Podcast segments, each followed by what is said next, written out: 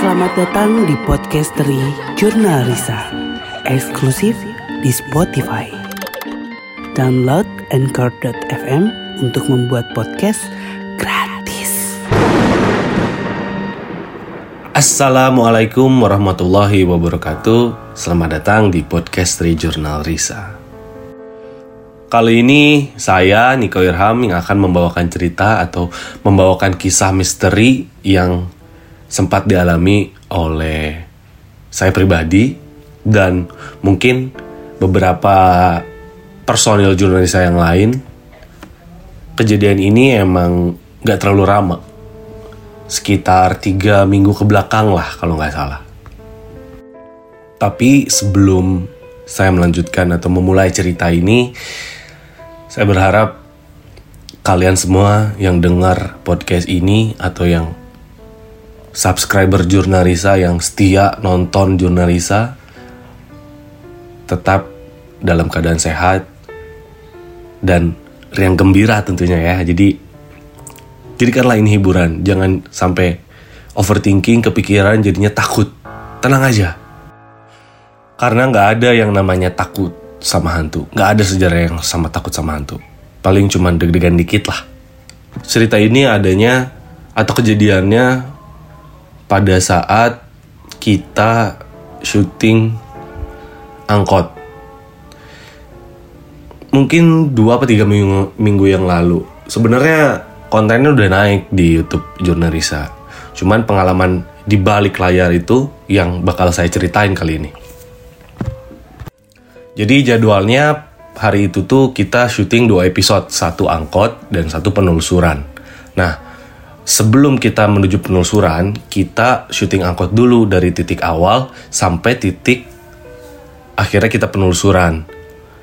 Pas angkot itu personilnya ada saya, Teresa, Indi, kalau nggak salah Bang Jeffrey dan um, Kadimasta.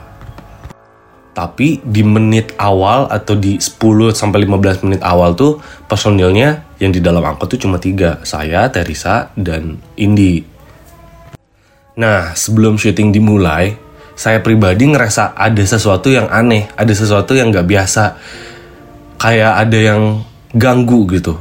Biasanya kalau kita mau syuting ya kita enjoy, kita happy gitu. Walaupun memang kita selalu menemukan sosok-sosok yang lumayan menyeramkan atau menakutkan gitu. Tapi pada saat syuting waktu itu saya doang yang yang ngerasa kayak kok ini ada yang aneh ya kayak ada sesuatu yang yang gak biasa yang nempel sama kita yang apa sih ini gitu.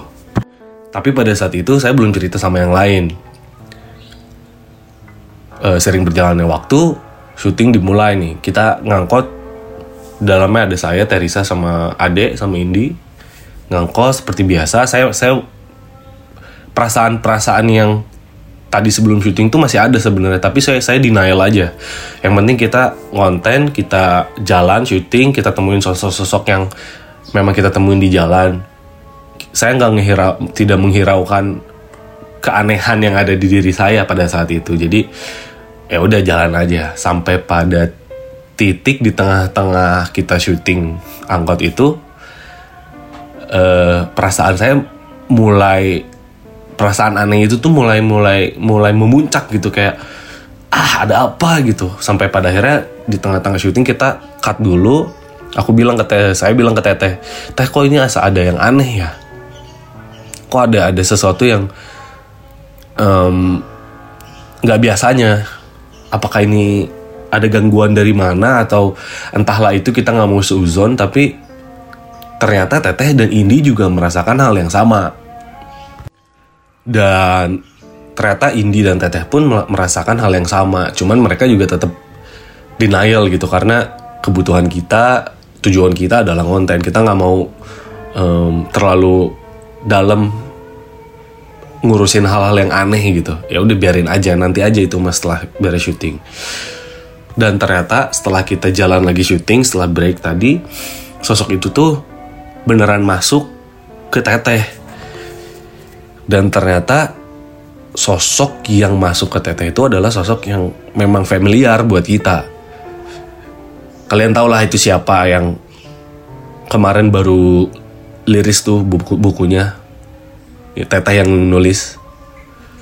Kayak pantesan memang kalau kalau sosok itu masuk tuh ada hal yang aneh yang kita rasain gitu. Jadi salah satunya adalah nggak fokus kalau misalkan si sosok itu menghantui saya misalkan ya saya tuh nggak fokus ini tuh ada apa kayak kayak ngelayang gitu. Badan badan kita tuh kayak ngelayang dan kita tuh otomatis kayak ada ada gap antara saya dan sosok-sosok yang sebenarnya mau berkomunikasi gitu. Jadi sosok yang si yang dibukuin sama teteh ini tuh mereka, uh, dia kayak nutup jalur komunikasi saya dengan dengan sosok-sosok yang lain yang ada di situ gitu. Tanpa kita tahu maksud dan tujuan uh, sosok itu masuk dan menghantui kita mengganggu lah ya sebenarnya. Kalau boleh kita bilang dia ngomong kalau dia pengen disempurnakan. Loh uh, terus aku bilang kita nggak bisa kita bukan siapa-siapa. Kita tidak punya kekuatan untuk menyempurnakan siapa pun itu. Kita juga belum sempurna gitu kan. Kayak dia terus sosok itu terus mengganggu kita gitu sampai pada akhirnya ada satu sosok sepuh yang masuk ke saya dan uh, ya menyeret sosok yang mengganggu kita itu entah ke mana lah dia diseret. Setelah itu semua beres kita udah mulai merasa tenang nih sedikit sedikit merasa tenang. Kita lanjutin lagi syuting. Um, pada saat sudah sampai di lokasi syuting untuk penelusuran, perasaan saya mulai nggak enak lagi. Tapi kita tetap denial, kita masih karena tadi udah hektik di dalam angkot kita bertiga gitu ya. Saya sendirian lagi cowok gitu bisa apa saya gitu kan. Terus pas nyampe titik awal buat penelusuran perasaan gak enak itu tuh muncul lagi tapi saya tetap denial. Kita istirahat dulu kita break dulu makan ngopi dan segala macam cerita ini itu sampai pada akhirnya teteh Kadimasta dan Indi memutuskan untuk gak lanjut penelusuran pada saat itu. Karena memang uh, itu udah terlalu malam dan perasaan yang muncul tuh emang nggak karuan gitu. Jadi mereka bertiga memutuskan untuk pulang. Sebelum syuting dimulai, saya cerita dulu sama Angga kejadian yang kita alami di eh, syuting angkot tadi. Terus uh, Angga bilang ya udah biarin aja kita lihat sampai mana. Angga tuh emang emang gitu ya nggak uh, seneng banget kalau ngelihat adik-adiknya tuh menderita gitu, kebingungan dan uh, gitu. Jadi tapi ya udah memang mungkin seperti itu caranya biar kita bisa handle sendiri gitu. Nah tapi sebelumnya konten penelusuran ini tuh belum naik di YouTube. Jadi saya nggak akan spoiler. Kalian tunggu aja uh, videonya atau kontennya seperti apa. Tapi yang angkot tadi sudah naik di YouTube. Jadi tonton aja kalau kalian penasaran hampir satu jam lebih kita istirahat dan akhirnya kita uh, memulai penelusuran. Sebelumnya kita tuh harus jalan dulu ke ke sebuah perkampungan gitu dan melewati kuburan yang cukup besar. Di awal aja kita udah disuguhi dengan penampakan-penampakan atau sosok-sosok yang seliweran di, di di kuburan itu gitu. Jadi ah ya udahlah kita kuatkan diri saja gitu. Yang lainnya masih belum nggak kalau kalau saya sendiri tuh ada punya perasaan yang aneh gitu masih ini apa sih? Apakah apakah sosok itu yang tadi diangkat tuh balik lagi tapi tapi kayak bukan tapi kayak iya gitu loh perasaannya tuh di di dibolak balik campur aduk gitu loh jadinya kita nggak percaya diri dengan apa yang kita lihat dengan apa yang kita dengar dengan situasi yang ada pada saat itu gitu jadi si sosok ini tuh memanipulasi keadaan aslinya gitu. Sampai pada akhirnya syuting hampir dimulai, saya tuh masih ngerasa apa sih ini kok kayak nggak ada apa-apa gitu. Padahal kalau dilihat dari kasat mata si bangunan atau lokasi syuting yang kita datang itu emang sangat menyeramkan gitu. Ada sungai, ada jembatan tua dan segala macem. Seharusnya, seharusnya ini tuh jadi tempat yang menarik gitu untuk penelusuran tapi yang saya rasain pada saat itu nggak takut nggak nggak merasakan apa pun gitu nggak nggak ngelihat sosok ini sosok itu atau mendengar sesuatu yang yang menyeramkan gitu pada saat itu. Sampai pada akhirnya saya nggak kuat nggak tahu kenapa tiba-tiba lemes lemes lemes lemes lemes kayak kayak udah mediasi beberapa kali saya lemes banget pada saat itu. Saya duduk terus nggak lama Angga nyamperin dan nanya kunaon? Nggak tahu ah ini kayak aneh banget. Kayaknya sosok yang tadi diangkut tuh balik lagi. Dan memang benar ternyata sosok itu uh, masuk ke saya dan berbicara persis dengan apa yang dia sampaikan di angkot gitu. Dia minta disempurnakan lah apa segala macem gitu. Ya pada akhirnya kita bisa apa gitu. Kita nggak bisa berbuat banyak kita nggak bisa nggak bisa ngapa-ngapain. Dan malahan si sosok itu bilang kalau bejakan ke aki mana cina orang ge hayang cina. Hayang ngena bilangin ke kakek kamu saya juga pengen enak gitu. Saya juga pengen berubah dari dari wujud ini ke wujud yang lebih baik gitu.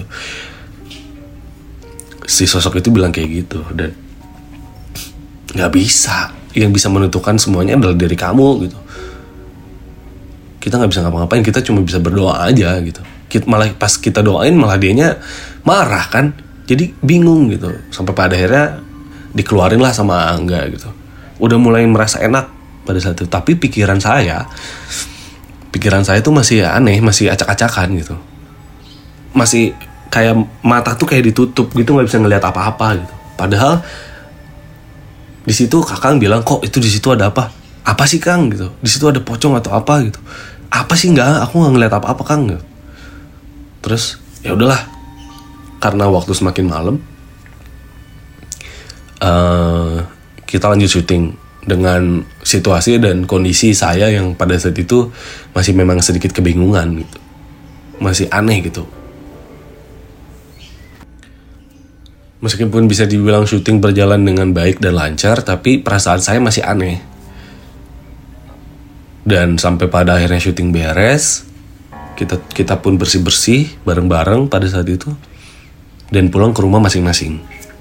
Dari lokasi syuting OTW ke rumah tuh perasaan tuh masih aneh, cuman udah lebih tenang sedikit lah. Pas begitu sampai rumah, saya bersih-bersih, mandi, ganti baju dan siap buat tidur. Pas begitu matiin lampu di kamar, bener-bener nyata sosok yang tadi menghantui saya atau mengganggu saya selama proses syuting tuh dia berdiri di atas lemari sambil ketawa dan dia bilang hudangkeun akimane sontak saya kaget. Udah nggak takut tapi bener-bener kaget dan kesel gitu kayak jadi selama ini maneh gitu. Jadi selama ini kamu yang yang ngebuat perasaan saya aneh gitu. Saya tuh lagi kerja bro lagi penelusuran lagi buat konten buat teman-teman subscriber jurnalisa tapi ternyata gangguan itu berasal dari kamu. Gak lama dihilang saya gelisah di situ. Nggak bisa tidur udah berdoa udah baca ayat kursi udah mulai tenang. Nggak lama udah mulai ngantuk nih tinggal tidur. Dia ada lagi. Jadi di kamar tuh ada gantungan jaket-jaket gitu hadap-hadapan sama kasur jadi pandangan saya kalau tidur tuh yaitu gantungan-gantungan jaket-jaket saya yang uh, digantung di tembok gitu kan nyaru ya dia ada di antara jaket-jaket itu sambil berdiri dan senyum mengatakan hal-hal yang sama lagi. Bang, udangkeun akimane. Tetap dia pengen pengen meminta hal yang sama. Dia pengen disempurnakan. Kita nggak bisa ngapa-ngapain gitu. Sampai pada akhirnya saya tidur. Dipaksain itu mau nggak mau karena memang jam su udah subuh gitu, udah udah udah mau subuh dan memang benar begitu azan subuh berkumandang saya baru bisa lebih tenang gitu sebelum azan subuh tuh perasaan tuh nggak aneh aja gitu kayak nggak enak gitu mau kalian pernah nggak sih kayak tidur nggak nyaman terlentang nggak nyaman? Ah cobain lihat ke kanan ah, lihat ke kiri telungkup. Biasanya saya lakuin itu gitu kalau terlentang gak nyaman oke okay, ke kiri. Ah, ke kiri lu, lumayan nyaman bisa tidur. Tapi ini nggak nggak bisa. Kamu mau posisi bagaimanapun juga perasaan tuh nggak enak gitu. Kayak ada yang ngeliatin terus sampai pada akhirnya saya bisa tidur dan keesokan harinya saya beraktivitas seperti biasa dan datanglah malam lagi. Hampir tiga atau empat hari saya ngalamin hal seperti itu. Dan yang paling menyeramkan dan aneh di hari terakhir tuh saya mimpi. Itu tuh hari Jumat. Sorry Kamis ke Jumat berarti malam Jumat.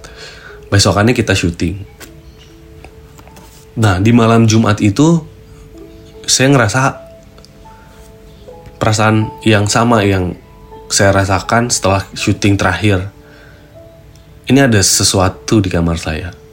Sampai nggak berani. Biasanya saya tidur tuh matiin lampu tutup pintu gitu. Tapi di malam Jumat itu saya entah kenapa setakut itu gitu. Karena mungkin udah capek gitu kalian harus tahu ngelihat hantu tuh capek mediasi itu capek tapi yang lebih capek adalah dihantui dan menahan hantu itu untuk manas, untuk masuk ke tubuh kita. Itu tuh capek banget nahan mediasi itu capek banget. Mending sekalian udah mediasi beres gitu. Capeknya hilang. Tapi kalau ini udah dihantuin terus kita nahan untuk tidak mediasi kita nahan untuk tidak kesurupan itu tuh energinya terkuras lebih banyak dari biasanya. Nah pada saat itu malam Jumat saya merasa cupu karena pintu kamar dibuka lampu dinyalain. Tapi memang udah kebiasaan tidur matiin lampu dan tutup kamar saya tuh nggak bisa tidur. Sampai pada akhirnya terpaksa saya tutup kamar saya matiin lampu dan anehnya pada saat itu saya bisa tidur dengan cepat. Entah kenapa saya bisa tidur dengan lebih tenang dari biasanya. Dan ternyata pas lihat saya lihat jam itu tuh masih jam satu setengah dua nggak lama saya tidur kayak tidur nggak sengaja gitu loh. Kalau lagi main handphone ketiduran gitu loh. Nah tapi pas di tidur itu saya mimpi hal yang aneh sih buat saya. Itu cukup mengerikan sih buat saya. Kenapa? Karena pada saat itu di mimpi saya yang terlihat adalah kita semua lagi berkumpul di rumah kakek seperti biasa. Uh, terus kita mediasi, kita kasarnya apa ya? Kita mm, mengasah kemampuan kita lah dengan kakek kita gitu. Menjaga diri kita juga supaya hal-hal yang aneh tidak terjadi karena kan ya kalian tahu kita berurusan dengan hantu dan lain-lain pasti ada aja orang yang jahil gitu. Nah di dalam mimpi itu tuh saya lagi kongko. Kita lagi kongko, terus itu kejadiannya kayak asli gitu. Saya yang tadi saya omongin saya udah nahan banget ada sosok yang mau mediasi sampai pada akhirnya saya udah lakukan saya terkulai terus mata saya bangun terus merah dan nunjuk ke semua anggota keluarga saya dan sosok itu bilang hiji-hiji ku aing di beresan. Yang artinya satu-satu sama saya kalian semua saya beresin. Entah maksudnya apa saya beresin tuh. Nah, dan sosok itu tuh yang saya rasakan pada saat itu di dalam mimpi. Sosok perempuan yang selama ini ngeganggu saya pas syuting dan hari-hari terakhir lah sebelum mimpi itu terjadi kayak pada saat itu saya refleks kebangun dan saya lihat jam menunjukkan pukul 2 berarti kurang lebih saya setengah jam tidur udah dikasih mimpi yang aneh. Dan memang seringnya hal-hal aneh itu terjadi di antara pukul 1 sampai pukul 3 atau setengah 4 lah. Sampai azan awal itu tuh eh, waktu-waktu krusial. Hantu-hantu berkeliaran gitu mengganggu kita. Makanya jangan sering-sering begadang ya nah setelah saya kebangun saya coba nenangin diri dan bodo amat lah gitu. Tidur lagi nggak lama saya mimpi lagi. Ada satu sosok yang masuk ke Aangga yang tidur yang di tidur saya yang kedua ini posisinya ada atau mimpinya persis kita lagi ngumpul gitu. ada satu sosok yang masuk ke Aangga dan langsung menyampaikan sesuatu ke kakek saya directly ke kakek saya. Dan beliau bilang sosok itu bilang beresan jang. Beresin jang. Nah dari situ saya kebangun lagi nih ini ada apa ya? Ada satu sosok yang masuk ke angga ya saya pikir itu sepuh terus bilang ke kakek saya bahwa ada hal yang harus diberesin gitu.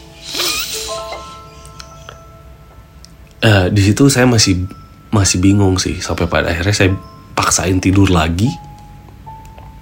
Dan pagi-paginya saya bilang ke kakek dan saya ceritain mimpi yang saya alami semalam dan kakek saya cuman senyum doang.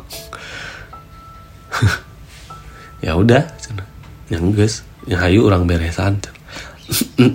Nggak ngerti maksudnya apa gitu tapi yang saya tangkap adalah kakek pun sudah tahu sebenarnya apa yang terjadi